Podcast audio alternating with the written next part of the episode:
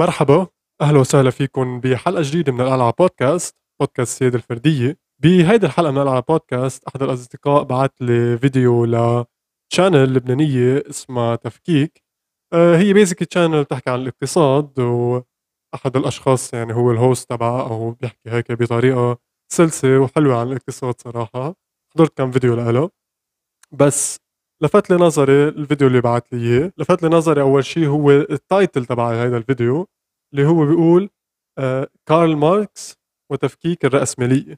شكله بهيدا ال channel يعني أكثر عندهم بيحكوا عن الاقتصاد بس الشخص اللي هيك بيعمل له host آه عنده أكثر هيك ميول للأفكار اليسارية أو الأفكار الماركسية الشيوعية زي ما نقول أو الاشتراكية. ممكن ما نوافق معه كثير يعني بالشيء اللي عم ينقال. ف رح نحضره هلأ سوا وراح أحكي وأعطي تعليقات عن آه هيك الإشياء اللي انقالت بهذا الفيديو. أنا برجوازية. okay. يعني مثل ما الواحد بيبقى طويل أو قصير مثل ما بيبقى ناصح أو ضعيف مثل ما بيبقى أشقر أو أسمر في ناس برجوازية وناس مش برجوازية أنا برجوازية. okay. okay so هذا الفيديو آه طلع شوي viral هيك بالإعلام بلبنان على السوشيال ميديا شفته إلى آخره. هلأ هو بيضحك شوي بس إنه آه ما بعرف مين آه الشخص اللي عم يحكي مين هيدا البنت بس آه بالنسبة لي اللي عم تقوله منه completely غلط. بس ال framing أو وضع هيدا هيدا الفكرة بهيدا ال context بالنسبة لي يمكن شوي غلط. هلأ ما بعرف شو كان عم بينقال 100% بهيدا الحلقة اللي هي حكيت فيها أو وقت طلعت على التلفزيون. بس فكرة إنه في عنا برجوازية وعنا بروليتاريا وإلى آخره آه، هي okay في يعني في عندك عالم فينا نقول إنه أغنياء وعالم مش أغنياء قدهم بس يعني هذا ال framing تبع الطبقية بالنسبة لي منه كتير مزبوط وفي فكرة أفضل يعني بتنقل بس before we judge هذا الفيديو كله بهذا المقطع الصغير خلينا نشوف شو عم ينجرب ينقال وشو الفكرة المطلقة من الموضوع.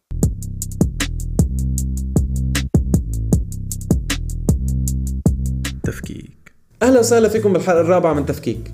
اليوم رح نكفي بموضوع اللامساواة الاقتصادية والطبقات الاجتماعية. ونركز تحديدا على كيف كارل ماركس ساعدنا نفهم الطبقات الاجتماعية بالرأسمالية. مثل ما حكينا بالحلقة السابقة تقسيم المجتمع لطبقات هو مش نتيجة مجهود أو مواهب كل فرد بل نتيجة قوانين اللعبة بالاقتصاد يلي بتفرض تصنيف اجتماعي معين بيجبر كل حدا فينا يكون بطبقة. كمان قلنا أن وجود كل طبقة متعلق بطبقة تانية. يعني مثل ما ما في مالك عبيد لو ما في عبيد نفس الشيء ما في صاحب عمل لو ما في عمال. لما نكون عم نسمع اقتصاد إيه exactly يعني هذا اللي كنت عم بقوله بقصة ال framing تبع الموضوع. يعني هون عم يجربوا يقولوا لنا إنه في آه، مالك عمل أو رب عمل وفي العمال هدول طبقتين مختلفين عن بعضهم. هلا مزبوط يعني كل واحد شيء يعني بالنهاية كل واحد شيء بس إذا بده يحطها بال frame إنه آه، رب العمل هو عم بيتنافس مع العامل آه، هون بيصير في الغلط. يعني ما في منافسة بين هالشخصين أو منهم هن inherently ضد بعضهم. آه، بل بالاحرى في كتير آه، في كتير أشياء ان كومن بيناتهم وعم بيجربوا يوصلوا للأهداف هي ذاتها. عم يحكوا عن اللامساواة. نسمع عبارات مثلا مثل الطبقة الغنية أو الطبقة المتوسطة أو الطبقة الفقيرة محدودي الدخل إلى آخره. المشكلة بهذا النوع من التقسيم أو النظرة للطبقات هو أنه فعليا ببطل في معنى لكلمة طبقة. ليش؟ الطبقة الاقتصادية هي مجموعة من الناس بيتشاركوا مواقع معينة بالاقتصاد والمجتمع. مش رقم معين بيمثل قديش عندك مدخول أو مدخرات. ليكون في معنى لكلمة طبقة لازم يكون هيدي مزبوطة يعني ما بيهم إذا أنت غني ولا فقير أنا ما بعرف إذا هيك قصده بس ما بيهم إذا أنت قديش معك مصاري أو قديش بتطلع مصاري. الطبقية بالمجتمع مش يعني إذا أنا أغنى منك يعني أنا بنتمي لطبقة غيرة عنك. هلأ okay يعني فينا نعتبرها طبقة إنه الأغنياء بيعيشوا سوا whatever أو عندهم هيك أشياء مع بعضهم أكثر وعندهم مصالح سوا أكثر بس آه، الفكرة هي إنه إذا أنا كنت بالطبقة الغنية شخص ثاني هو بالطبقة الفقيرة إذا ما نعطيهم هو كل واحد طبقة. نحن essentially ما شيء ضد بعض يعني مش مش inherently أو by nature أو بطبيعتنا الغني هو ضد الفقير. آه مش ابدا منا هيك ومع الوقت عم بتصير أكثر وأكثر مش هيك. ف آه مزبوط بالشيء اللي عم بقوله إنه الطبقية هي مش بالمدخول تبعك هي بشيء ثاني فلا نشوف هو شو قصده بالشيء الثاني يكون مبني تحليلنا على قراءة علاقات القوة بالمجتمع مش بس المؤشرات الاقتصادية. في كتير مفكرات ومفكرين ساعدونا نفهم الطبقات الاجتماعية بس اثنين منهم كان لهم دور كتير أساسي كارل ماركس وماكس ويبر. اليوم رح نركز على أفكار ماركس لأنها مدخل أحسن لهذا الموضوع. عمو ماركس اعتبر أنه الرأسمالية بتخلق طبقتين أساسيتين بالمجتمع. الناس exactly يعني هلا بده يحكي عن ماركس وهذا ال part اللي يمكن أنا ما أتوافق معه. بس آه، خلينا نكفي ونشوف شو المقصد. ركز على أفكار ماركس لأنها مدخل أحسن لهذا الموضوع. عمو ماركس اعتبر إنه الرأسمالية بتخلق طبقتين أساسيتين بالمجتمع. الناس اللي بيملكوا وسائل الإنتاج يعني مثلا المصانع والشركات اللي بيسميهم ماركس البرجوازية. وفي الناس يلي بتشتغل بهذه الشركات يلي هن الطبقة العاملة أو البروليتاريا. هيدا آه، مية بالمية. يعني هون بنرجع بنحكي عن الإطار اللي عم بحطوا فيها. عم بقول إنه في عنا الرأسمالية اللي هن مالكين آه، أساليب الإنتاج أو ملاك أساليب الإنتاج. فعندك العمال اللي هن ما عندهم أساليب الإنتاج وهن مضطرين يروحوا يشتغلوا عن الرأسمالية بس هيدا الإطار آه، شوي غلط أو كومبليتلي غلط لأنه العمال والرأسمالية اللي هن اثنيناتهم لازم نعتبرهم رأسمالية يعني حتى العامل هو عنده رأس مال بده أو عنده أساليب الإنتاج عم بيوظفها كرمال يقدر يشتغل وكرمال يقدر يعطي قيمة للسوق ويعطي قيمة لرب العمل. فإذا بدنا نحكي أكثر عن الفرق بين العامل والشخص الثاني هو بدنا نقول إنه في عنا عامل في عنا رب عمل واثنيناتهم العامل ورب العمل هن رأسمالية يعني العامل هو عند أو رب العمل هو عنده رأس مال بي بيوظف إشياء مثل المصاري تبعه مثل المصنع تبعه مثل الأرض تبعه مثل ال buildings تبعه. بينما العامل إذا ما عنده مصاري هو عم يوظف الوقت تبعه وال skills تبعه وال آه، وال وال efforts تبعه يعني والمجهود تبعه. يعني آه، كل واحد عنده نوع رأس مال والراس مال مش يعني بس مصاري ومصانع وإلى آخره رأس مال فيكو كمان وقت في يكون مجهود وفي يكون حيالله شيء. ف وزيادة عن هيك اثنيناتهم عندهم نفس الأهداف آه، رب العمل عنده هدف إنه ي- يزيد الأرباح تبعه والعامل كمان بنقي رب العمل اللي بيعطيه أرباح أكثر شيء. يعني العامل كمان بيروح عند رب العمل أو عند الشركة اللي بتعطيه أكثر مصاري فكمان هو بيبغى الربح. فاثنيناتهم عندهم نفس الأهداف وبيستعملوا نفس الأساليب فاثنيناتهم فينا نعتبرهم رأسمالية وإذا هو بده يحط إطار إنه في عندك راسماليه هن طبقة وعندك البرجوا البروليتاريا هن طبقة تانية آه بالنسبة لي لا منن منن كل واحد طبقة. آه in in essence أو بطبيعة الحال كل المشاركين بالسوق هن راسماليه حيلا حدا بيشارك بالسوق وبيعمل مقايضة وبيستعمل مصاري وعنده رأس مال هو رأس مالي والرأس مال في يكون حيلا شيء بيتم توظيفه للأرباح. ف خلينا نكفي ونشوف وين رح يوصل بهذه الفكرة. ما كان الحال قبل قيام الثورة الصناعية ونشوء النظام الرأسمالي يلي كمان أسسوا لوجود علم الاقتصاد مثل ما حكينا بالحلقة الأولى. قبل القرن 19 كانت الطبقات الاجتماعية مختلفة. آه كمان هيدي إطار شوي عم ينحكى غلط لأنه ما في شيء أسس علم الاقتصاد أو ما في شيء أسس الرأسمالية. الرأسمالية هي مش بس بلش أو بس صار في عنا الثورة الصناعية هي مش صناعة. يعني الرأسمالية مش إنه عنا مصانع و... وعالم لابسه بدلات وما بعرف شو. لا الرأسمالية هي آه أو الاقتصاد هو من أول ما بلشت البشرية وأول شخص قايد تفاحة كرمال ليمونة وقتها بلشنا بالاقتصاد وبلشنا بالرأسمالية. يعني الرأسمالية هو فينا نقول هو آه، ملكية خاصة هو سوق وهو تبادل وفعل كل هالقصص بشكل بحرية يعني بلا ما حدا يجبرك على شيء. فهن هو ثلاث إشياء. فإذا أنا عندي تفاحة وقايضتها مع شخص تاني بالسوق بكل حرية ليمونة هون عملت عملية اقتصادية و... وأنا انتجت هيدي التفاحة بطريقة معينة. يعني أنا رأس مالي وهيداك أنتج شيء تاني كمان اعطاني إياها محل اعطاني ليمونة محل تفاحة. فهيدي العملية ومن أول ما بلشت البشرية وهيدا بميزنا عن الحيوانات إذا بدنا نقول إنه نحن قادرين نعمل كوبريشن نتفاوض مع بعضنا أعطيك شيء تعطيني شيء محله ونستفيد اثنيناتنا ونعمل ربح من هيدي المعاملة آه، بشكل أساسي. فالرأسمالية مش وقت بلشت الثورة الصناعية الرأسمالية هي uh, just the way things are. يعني هيك نحن بنتعاطى مع بعض كبشرية والحل الأنسب أو الطريقة الوحيدة كرمال الأشخاص آه، يقدروا يتعاملوا مع بعضهم بشكل سلمي إذا بدنا نقول. بس التقسيم الطبقي كان كمان حول موضوع الصراع على العمل والموارد. الفرق الرئيسي هو انه إذا أنا كنت عامل قبل الرأسمالية عامل بالمعنى الواسع كنت مجبور حسب النظام السياسي أو العرقي إني أشتغل من أجل سيدي يعني الاقطاعي أو ملاك العبيد إلى آخره. بأفضل الأحوال كعامل كنت ممكن أكون فلاح عم شارك المحصول مع الاقطاعي أو بشتغل مثلا بقصر الحاكم مع امتيازات معينة. بس ما كان عندي خيار أترك شغلي وانضم لشغل آخر. بالرأسمالية الموضوع مختلف. العمل بطل معتمد فقط على موضوع العرق أو مكان الولادة إلى آخره. مع الثورة الصناعية هاجرت كثير من العائلات الريفية اللي كانت عم تشتغل بالزراعة تحت النظام الإقطاعي للمدن.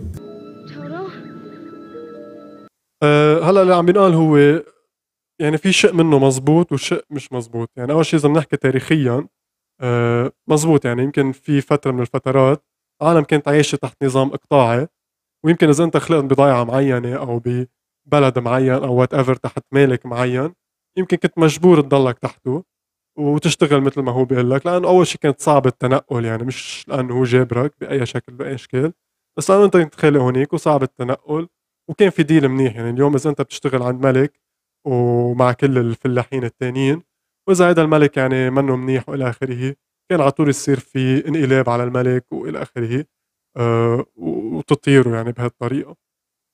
فكان هذا النظام القائم بس حتى بهذا النظام القائم أه كانت تعتبر رأسمالية. يعني ما فينا نقول إنه هذا الشيء مش رأسمالي لأنه كان في وقت أسواق كان في مقايضة بين الأشخاص وكان في عندي محصول بعطيك إياه وأنت بتعطيني. الشيء الوحيد اللي ما فينا نعتبره رأسمالية بهذا الوضع هو بس كان يجي الملك ويفرض علينا ضريبة وياخذ لنا المحصول تبعنا ويترك لنا شوي. يعني كانت تصير هالأمور. آه، وهذا كان من خلال استعمال القوة واستعمال الجيش وإلى آخره. بس حتى بوقتها في شق كان منه رأسمالي أو كان في عندنا اقتصاد وكان في عندنا اسواق مش بس صار في الثورة الصناعية مثل ما هو عم بيقول. بس إذا ما نكفي ونقول بالشيء اللي عم بيقوله هو إنه بس صار في راسماليه أي بس صار في ثورة صناعية آه، صار في تشويس أكثر عند الأشخاص وصار فيهم ينتقلوا من شغل لشغل بشكل أفضل. فبعتقد هذا الشيء منيح. يعني ما بعرف إذا هو عم بيعتبره مش منيح بس إنه وهذا الشيء يعني ببرهن اللي كنت عم بقوله إنه آه، العامل هو مثله مثل الرأس المالي أو مثل رب العمل آه، تنقول الكلمة المضبوطة عنده choice وعنده الحرية إنه يوظف رأس المال تبعه الوقت وال وال وال وال skills تبعه بالشركة اللي بده إياها أو ب آه، خدمة الشخص اللي بده إياه اللي بيعطيه أكثر ربح واللي هو بيكون مبسوط عنده أكثر بشكل عام يعني. Kansas anymore. صاروا يشتغلوا أفراد هالعائلات أطفال وراشدين بالمصانع والقطاعات التجارية يلي عم تنمى حول القطاع الصناعي الجديد. على عكس ابن الفلاح بالمنطقة الريفية يلي مضمون إنه رح يشتغل ويبقى بهيدي الأرض مثلا. العامل بالمدينة بطل عنده القدرة على الحياة إذا ما لقى شغل مع رأس مالي بيقبل يوظفه. لهيك بيصير في تنافس بين العمال على بيع قدرة عملهم بسعر أرخص. هل هن أحرار يقرروا إذا بيبيعوا قدرة عملهم ولا لا؟ إيه قد ما هن أحرار إنهم يجوعوا. من ناحية أخرى الحلو إنه عم بيقول هو كل هالكلمات وعم بيناقض نفسه بنفس الوقت. يعني أول شيء بيقول إنه الشخص عنده الحرية وعنده تشويس إنه ينقي وين بده يروح بعد ما صار في الثورة الصناعية. وبيرجع بيقول إنه هو آه، آه، صار في هون مجبور يشتغل عند العامل. صار العامل آه، بده يوطي له بده يجرب باكثر بافضل بأفضل طريقة إنه يخفف الأجور تبع العمال تبعه. بس إذا العامل عنده تشويس إنه ينتقل من مطرح لمطرح كمان العامل عنده تشويس إنه ينقي رب العمل اللي بيعطيه أكثر معاش بيعطيه أكثر مصاري. يعني أنت بالنسبة لك إذا أنت عامل ورب العمل ما عم بيعطيك إجرتك مثل ما لازم صار فيك تروح تنتقل من من هذا رب العمل لشركة ثانية لرب عمل ثاني هيدا اولا. وثاني شيء عم يرجع هون يقول إنه آه العامل هو ببيع العامل الشغل تبعه. يعني ببيع آه المجهود تبعه. فهون هو كمان essentially يعني عم بي he's admitting عم بيعترف إنه العامل هو كمان رأس مال لأنه هو عم ببيع شيء. فالرأس مال هو ببيع. آه، بيشتري وبيبيع أو بيوظف آه، شغل بوظف عمل معين بوظف آه، رأس مال معين. ف هذا بروف كمان وقال هو يعني بعض لسانه إنه العامل كمان هو رأسمالي مثله مثل رب العمل. فما في أي اختلاف بالأهداف بيناتهم. بيستفيد الرأسمالي من هيدي المنافسة بين العمال. ليش؟ لأنه بتخلي المعاشات أوطى وبالتالي تكاليف الإنتاج أوطى. فبهالطريقة بيزيد الرأسمالي أرباحه اللي ممكن يستخدمها باستثمارات جديدة بالمستقبل. طب شو هي هالأرباح؟ مية بالمية يعني وين المشكلة بالموضوع؟ يعني الرأس المالي بيشتغل بطريقة معينة كرمال يخفف كلفة الإنتاج إن كان من وراء الأجور ولا من كان وراء حيالله أساليب أخرى وبس يخفف كلفة الإنتاج. انت كمان يعني ك يعني كلنا بالنهاية مش بس عمال نحن كمان مستهلكين. فإذا خففت كلفة الإنتاج كل الأشياء بالسوق بتصير أرخص وبصير في عنا إنتاج أكثر وبصير في عنا آه، لأنه صار في إنتاج أكثر ولأنه صارت العالم عم تشتري أكثر بصير في أرباح أكثر لرب العمل وبيرجع بيستثمر رب العمل مرة ثانية وبيزيد الإنتاج وبيخفف بصير في عنده أساليب أذكى ومن وراء التكنولوجيا يخفف آه الأرباح أو يخفف آه كلفة الإنتاج وبيكون تمام يعني هيدا it's a good deal for everyone وإذا مثل ما قلنا قبل شوي إذا العامل حس إنه المجهود اللي عم بيعطيه منه سفيشنت بالنسبة له عنده الحرية مثل ما هو قال ومثل ما هي أصلا الوضع عنده الحرية إنه ينتقل من هذا الشغل على شغل تاني وعلى شغل يمكن بيعطيه مصاري أكثر طب شو هي هالأرباح؟ لا أفترض إني عامل بمعمل كراسي، بعمل 10 كراسي بالنهار، كل وحدة منها بتبيعها الشركة ب 100 دولار، يعني بالنهاية بيطلع كل شيء اشتغلته بالنهار قيمته بالسوق 1000 دولار، طب وين بتروح هال 1000 دولار؟ أكيد مش كلها رح تجي لإلي كعامل، بأفضل الأحوال مثلا رح أقبض 100 دولار بالنهار، بعدين في تكاليف من أجار وضرائب ومياه وكهرباء ومواد أولية للصناعة هي الجزء الأساسي من كلفة الإنتاج. لنفترض أنه المعاشات وهالتكاليف كلها صاروا 500 دولار. يعني بيبقى في 500 دولار يلي هي شو؟ هي الأرباح. هيدي ال 500 دولار من الأرباح هو تقريبا شيء اللي سماه ماركس فائض القيمة. شو يعني فائض القيمة؟ بالنسبة لماركس العمال هن اللي بيخلقوا القيمة من خلال عملهم. صاحب العمل هو اللي بيملك الوسائل اللي عم يستعملوها ليقدروا يخلقوا هالقيمة. فسؤال ماركس الأساسي كان إنه ليش صاحب العمل بده ياخذ الجزء الأكبر من القيمة يلي عم ينتجوها هو والعمال؟ ماركس اعتبر إنه هذا الموضوع فائض القيمة. هو بحد ذاته اللي بفسر لنا الاستغلال الاجتماعي بالنظام الرأسمالي. هو بصلب التقسيم الطبقي. آه كمان هون هذا ال notion غلط اللي عم بيقولها أو قايلها كارل ماركس إنه العمال هن آه، بيحددوا القيمة أو هن بيخلقوا القيمة تبع ال product معين. Which is completely wrong. يعني أنا فيني أكون اليوم عم بشتغل على أعمل كراسي وحط هالكرسي إنه بتنباع ب 200 دولار بس بيجي السوق وما حدا بيشتريها مني ب 200 دولار. بدي ضل وطي سعرها لهيدي الكرسي لحديت ما اوصل لمحل إنه بيعها آه، قد ما السوق بده يشتريها. يعني يمكن يشتريها السوق ب 50 دولار حتى يمكن تكلفني كلفة أكثر ما هي قيمتها على السوق. يعني يمكن تكون كلفتني 50 دولار بس لأنه ما حدا بده يشتريها أو منا هالقيمه المنيحه آه، ما حدا قيمها ب 50 دولار حتى لو كلفتني 50 دولار يمكن اضطر بيعها على 40 دولار وبيعها بخسارة. فالشيء اللي عم جرب وصله هو إنه القيمه هي بتتحدد من الأسواق ما بتتحدد من كلفة الإنتاج ولا بتتحدد من قد إيه العمال آه، حطوا مجهود عليها. ما بتتحدد بهذه الطريقة ولا أي ممكن ولا أي طريقة ممكنة بولا أي سيناريو. بولا اي universe ممكن نتخيله. ف يعني كمان هون برجع بيقول عن فائض القيمة وما في فائض القيمة. هو أنت عم تبيع على الشغلة ب 100 دولار لأنه السوق آه، سعرها ب 100 دولار وأنت عم تعطي الموظف 10 دولار لأنه الموظف قبل ب 10 دولار ولأنه أنت آه، شايف إنه هو عم بيعطيك خدمتك الخدمه ب 10 دولار. فابدا ما في فرق.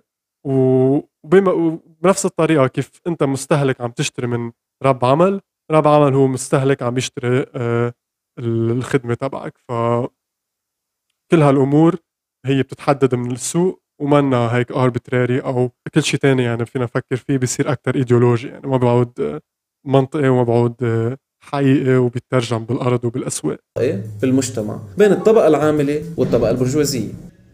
I also I want to thank uh, every Amazon employee and every Amazon customer because you guys paid for all this. So توقع ماركس إنه الصراع بين هالطبقتين رح يكون له دور أساسي بنهاية النمط الرأسمالي يوما ما عبر تشكيل نظام اشتراكي بينهي الاستغلال الاقتصادي والطبقات الاجتماعية. بالفيديو الجاي رح نجرب نركز أكثر على الطبقات الاجتماعية كيف موجودة اليوم بمجتمعنا ورح نستعين بمفكر تاني يلي هو ماكس ويبر. تابعونا. أوكي لكن هذا كانت كان هو كل شيء بنقال بهذا الفيديو. بالآخر كان عم بقول إنه لأنه في هذه الطبقية بين البرجوازية والبروليتاريا رح نوصل لمحل إنه يصير في revolution أو يصير في ثورة. وننتقل من نظام رأسمالي على نظام whatever اشتراكي أو شيوعي ما بعرف شو بده. بس الفكرة هي إنه مثل ما قلنا بالأول إنه الرأسماليه من نظام. الرأسماليه هي ال order الطبيعي. تبع العالم. يعني نحن من أول ما خلقنا من أول ما بلشت البشرية من أول ما بلشت تتعاطى مع بعض ومن أول ما بلشت تتقايض و... وتتشارك ال- الموارد بين بعضها صار في رأسمالية الرأسمالية هي بكل بساطة الأسواق هي الأسعار هي المقايضة وهي الملكية. والحرية إن نعمل بهالأشياء الشيء اللي بدنا إياه. يعني نسعر قد ما بدنا يكون عندنا حرية بملكية خاصة يكون في عندنا حرية بالأسواق بلا تدخل كبير من الدولة وإلى آخره ويكون عندنا حرية بالمقايضة يعني أنا ببيع شو ما بدي وأنت تبيعني شو ما بدك بكل بكل بساطة. يعني على طول يعني بس شوف هيك فيديوهات آه، لازم قبل ما واحد يفوت ويشارع شخص بهذه المواضيع لازم يتفق على الديفينيشنز تبع الأشياء ومن هونيك ببلش آه، يتشارع هو الشخص وبصير فيك أكثر توقف أنت وياه على نفس ال ground وها هي يعني هذا كل شيء بدي اقوله بالنسبة لهذا الفيديو. ف إذا حبيتوا هذا الفيديو واذا تحبوا أعمل أكثر فيديوهات من هذا النوع آه، ابعتوا لي حيلا فيديو بتشوفوه ممكن آه، بتحبوا أعمل تعليق عنه أو بتحبوا اشرحه أحسن آه، أو أعطي رأيي ومنظور الاقتصاد الحر بهدول الفيديوهات please ابعتوا لنا إياهم. وهذه هي. ف please اعملوا لنا like و subscribe وبتحضرونا بحلقة جديدة من القلعه بودكاست